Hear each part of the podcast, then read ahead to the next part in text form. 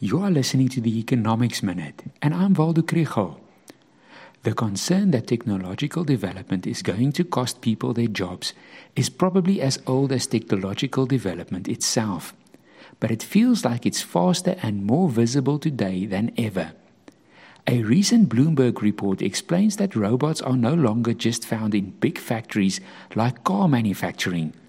In the US, you can find them in smaller factories in warehouses, on farms, and construction sites where they pack or unpack products or feed materials into existing processes.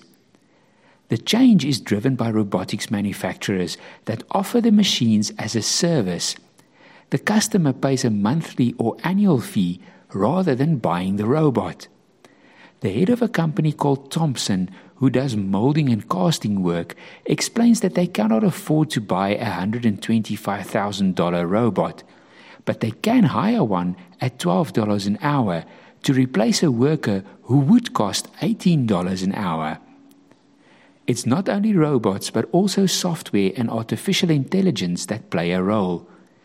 Business Day reports that South African companies are increasingly using chatbots to automate communication with customers. Vodacom uses the TOBi chatbot to handle queries. You can order KFC over WhatsApp, and radio stations use it to manage interaction with their listeners. At MultiChoice, there were job losses when they automated more of their call centers. Robots can also write podcasts, but this one still has a human behind the keyboard.